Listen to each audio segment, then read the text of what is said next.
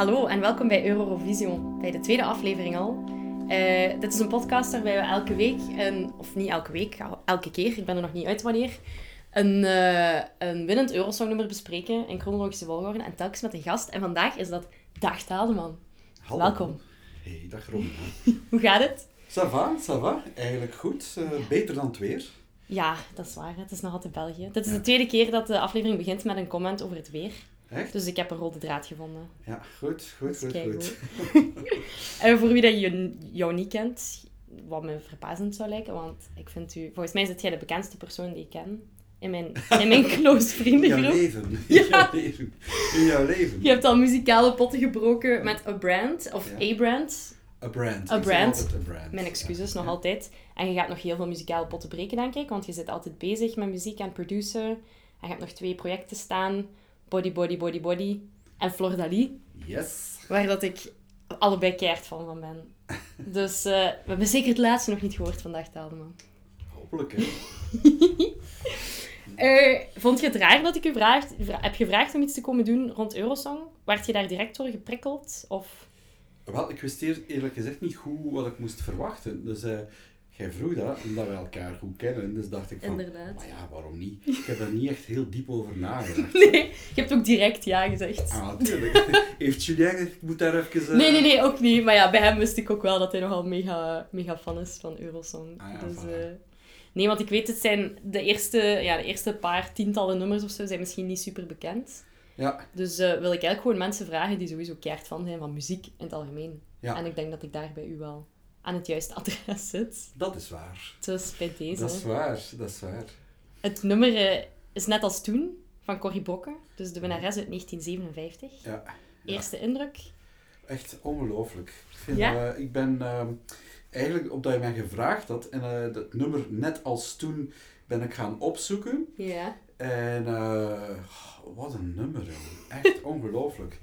Tekst, hoe ze het zingt, ja. de arrangementen, onwaarschijnlijk heerlijk ouderwets, maar ook oerdegelijk. Mm -hmm. En zo volgens de normen van de tijd, zo uh, over hoe de vrouw in de maatschappij stond.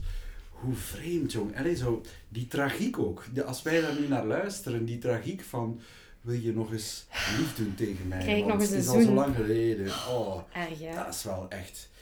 En het tweede wat mij enorm opviel is ongelooflijke craftsmanship van Corrie Brokken zelf. Ja. Het is fantastisch hoe zij dat zingt.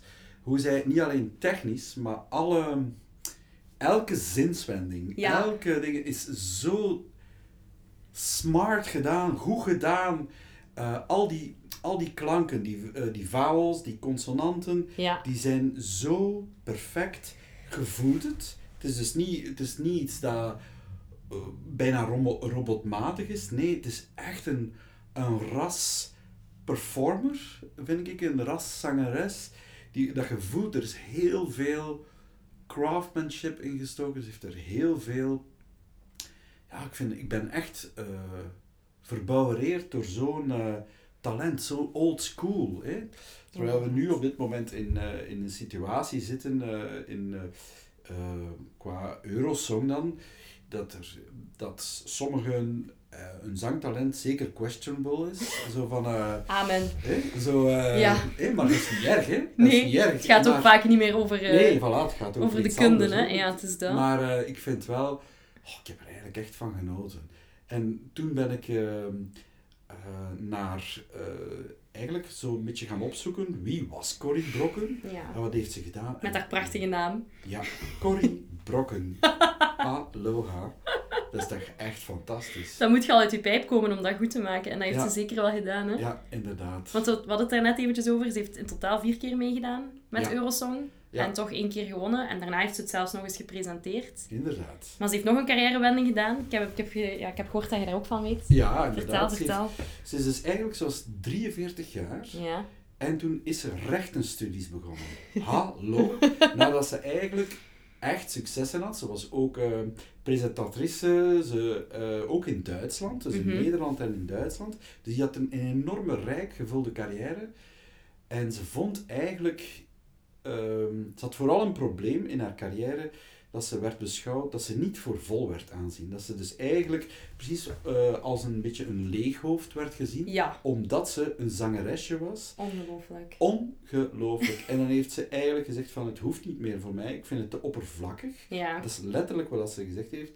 En ze is dan naar, ehm, ze heeft dan rechtenstudies aangevat en ook eh, Afgemaakt. afgemaakt. Ja. Ze is eerst eh, advocaat geworden aan de balie en daarna is ze rechter geworden. Ongelooflijk. Hallo. Dat is cool, want dat draait het dan om. Hè. Zij werd eh, veroordeeld, of beoordeeld door de jury van Eurosong. En uiteindelijk was zij degene die met de scepter zwaaide. Ja, Dat vind inderdaad. ik wel cool van haar. Echt fantastisch.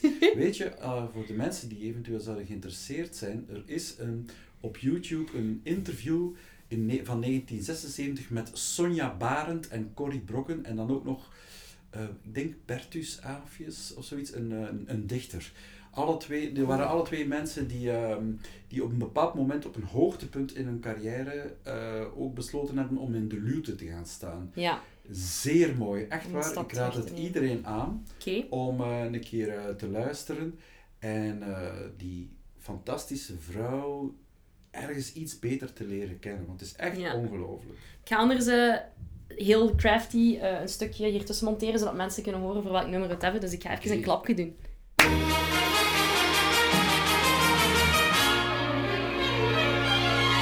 Zit niet zo suf met die eeuwige krant. Ga niet van slaap of verveling. Ben toch je vrouw en ik eet uit je hand. Maar ik eet niet van de bedeling. Kijk me niet aan of je denkt, leef je nog? Ben ik nog altijd die vrouw? Waarmee je destijds, wanneer was dat toch? Per se dat avontuurtje hebben wou. Wees nog eens lief, net als toen.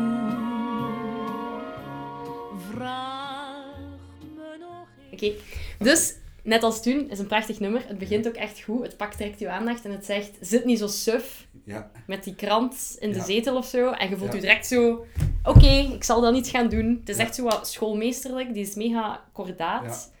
En dan begint het, hè. Je Ja. zit direct mee in het verhaal. Ja. Het heeft zo wat smartlap of levenslied-vibes, omdat het zo heel eerlijk is. ja. Is wel, en ze kan dat ook echt zo brengen. Maar het is wel een tekst en muziek van...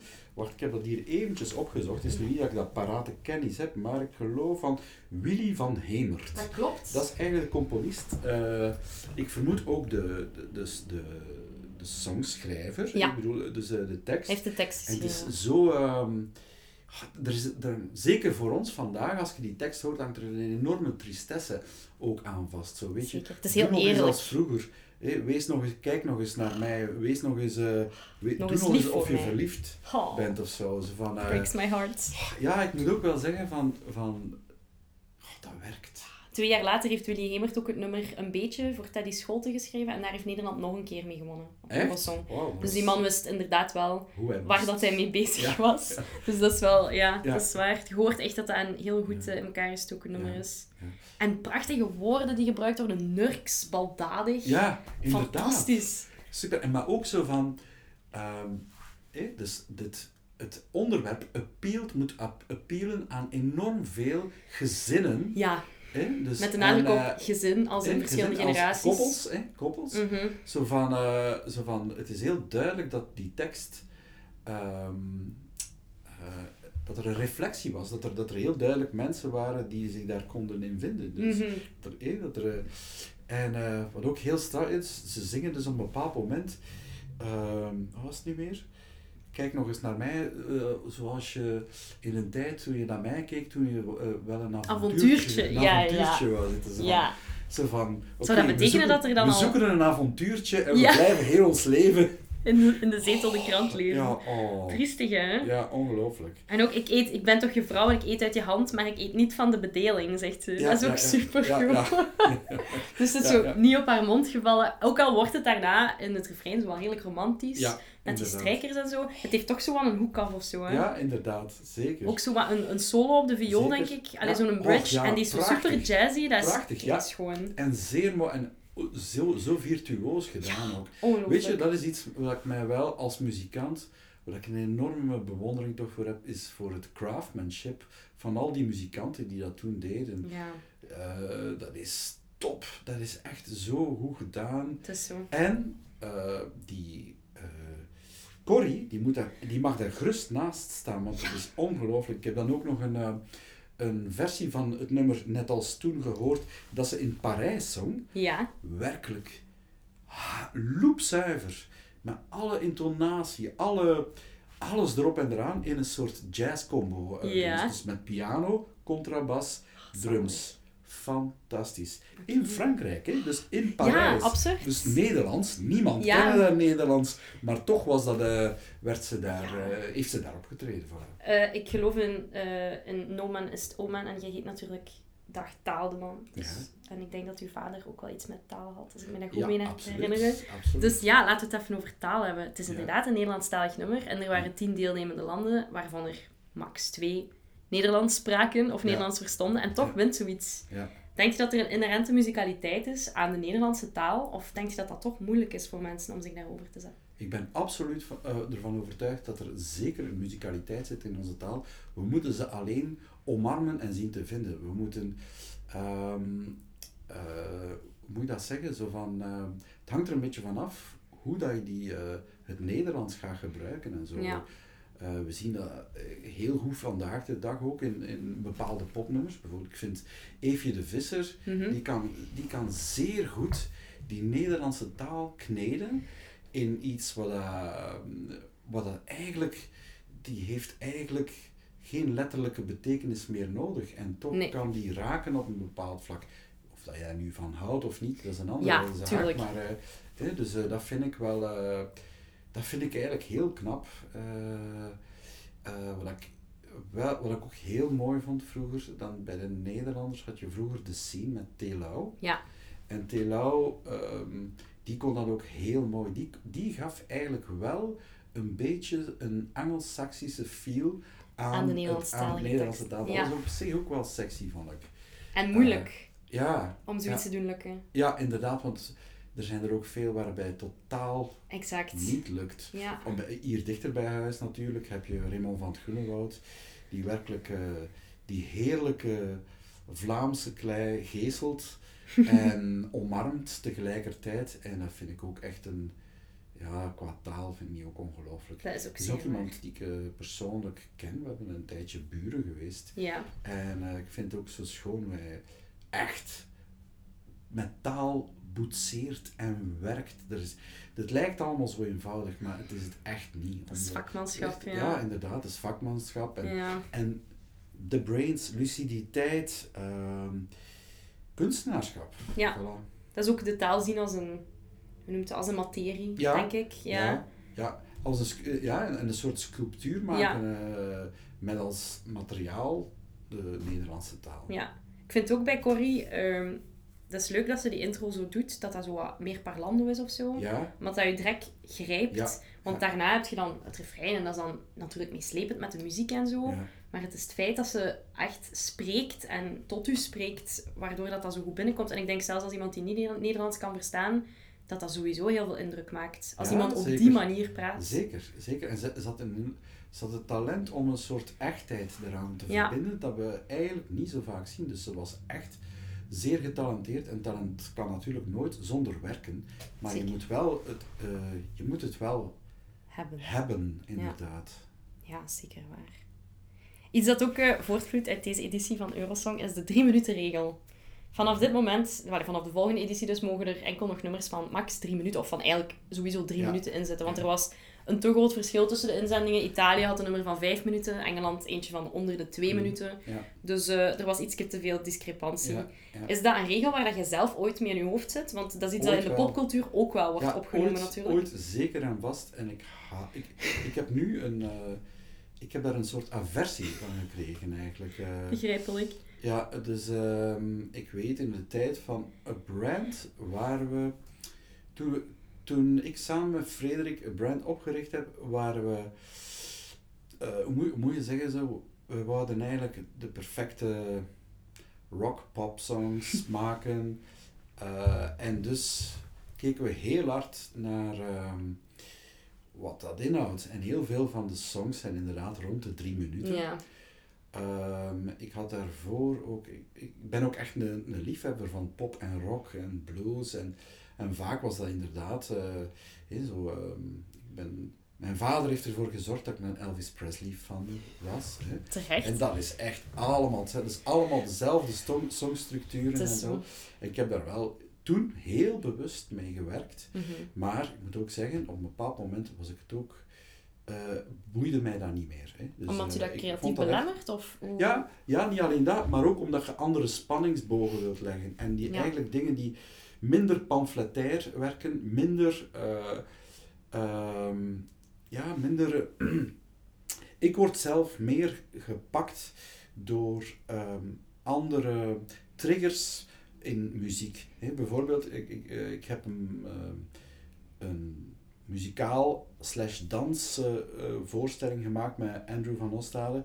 En dat is een stuk, één stuk van 55 minuten. Een, echt een soort suite, Ja. die ik eigenlijk een zeer opzwepend stuk muziek, dat ik eigenlijk gebouwd. Dat is eigenlijk ons beider, want we hebben er vaak over gehad, ons beider antidotum. Nu, voor de duidelijkheid, Andrew van Ostade was vroeger de drummer van School is Cool.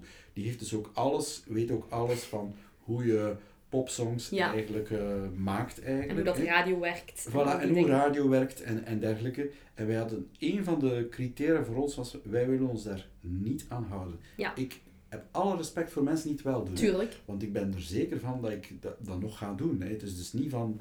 Maar op een bepaald moment ehm, eh, ehm, heb ik daar ontdekt bij mezelf dat, dat eh, het, het zeer, de zeer strakke regels in popmuziek mij alsmaar minder eh, aanspraken. Ja.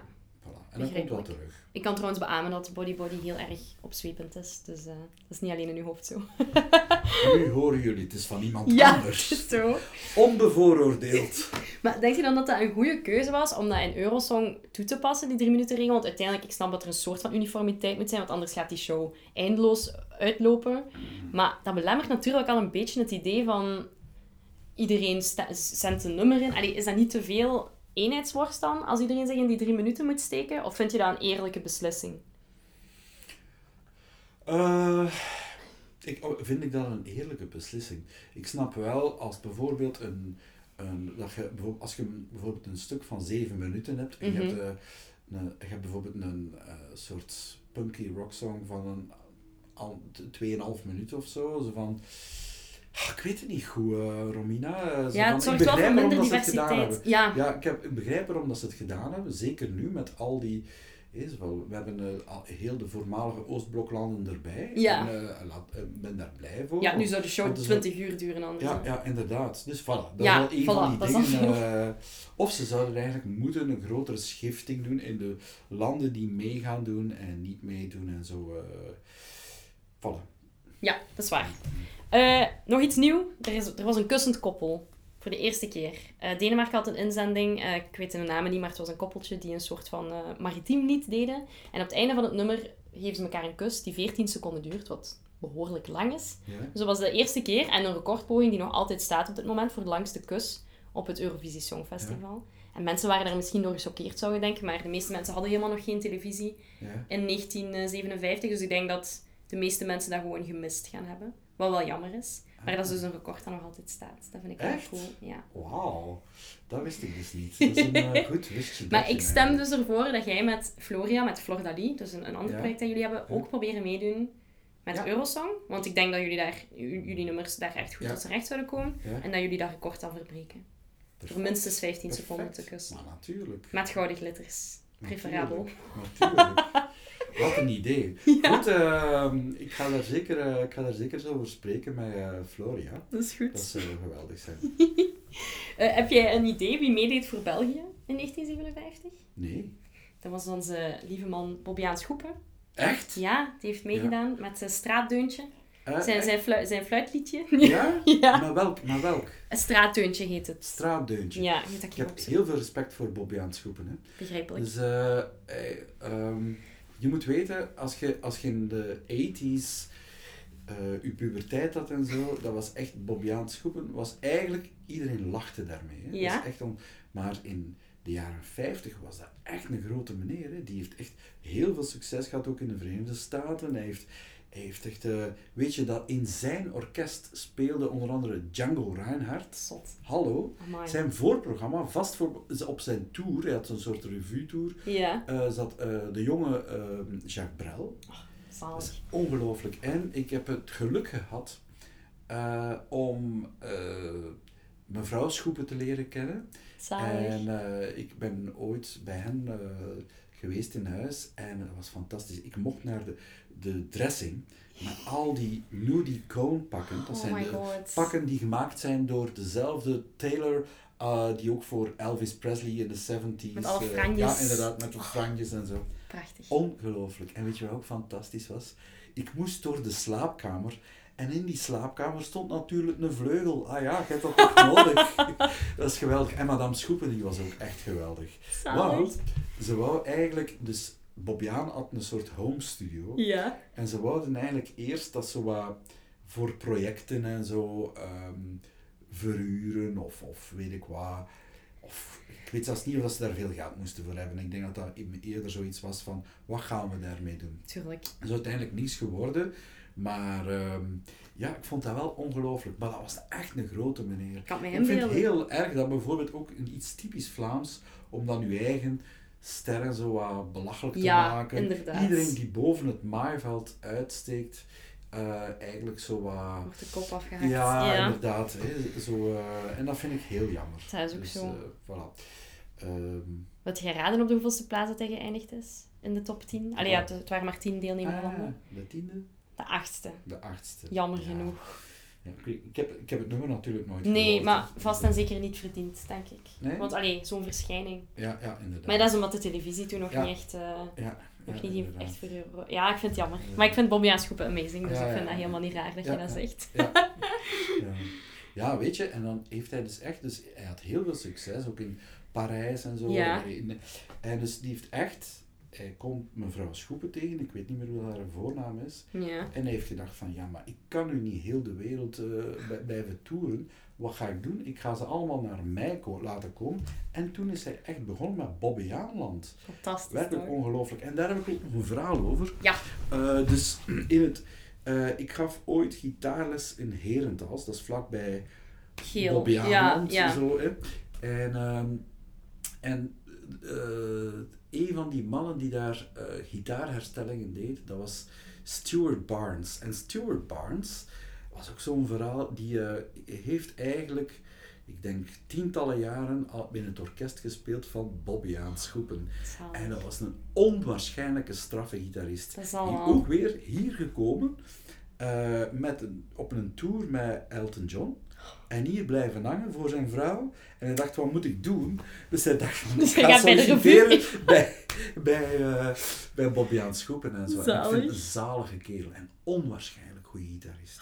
En was die zijn voornaam echt Bobby aan? Ik vraag me dat altijd af. Ik moet dat Ah, eens dat opzoeken. weet ik niet. Dat weet ik Dat is niet. wel een schitterende naam anders. Ja, natuurlijk. Bobby aan. Bobby aan Brokken, dat zou ook mooi geweest zijn. Ja, Bobby aan Brokken.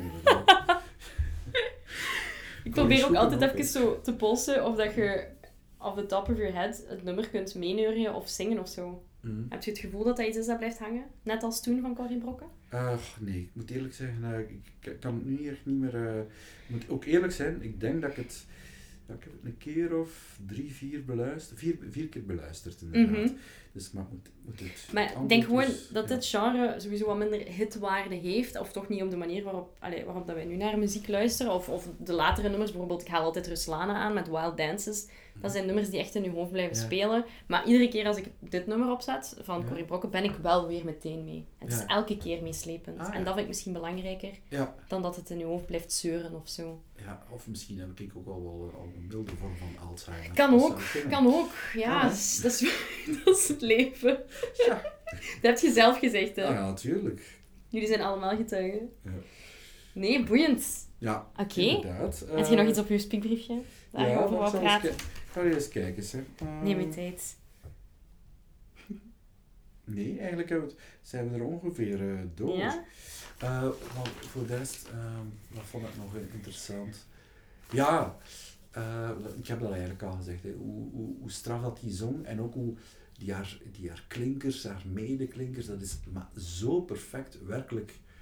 Dat is zo heerlijk om... om eh, Ja, ook haar mimiek. Je moet Ja. dat echt opzoeken op YouTube, Ja, die inderdaad. beelden. Dat is prachtig. ja, inderdaad. Zo expressieve ogen Ja. en zo... Ja, inderdaad. Het is zo heel no-nonsense. Haar kledij en haar make-up en haar haar is echt zo whatever, verwaarloosbaar. Maar dat maakt totaal niet uit. Ja. Ja. En weet je wat ik ook zo straf vond? Zo, in de tijd is ze dan, dan ging ze dan eh, presenteren en zo shows presenteren en zo. En dan ging die ook gewoon naar Duitsland. Dan Ja. hij daar tien, bijna tien jaar in Duitsland. Zo van, alsof we dat zomaar even doen. Ja. Of zo. Ik bedoel, je moet je Duits moet toch echt redelijk impeccabel zijn. Maar in Nederland hebben ze er wel een paar die dat gedaan hebben. Je hebt zo, Rudy Karel was in de tijd ook zo iemand. Ja.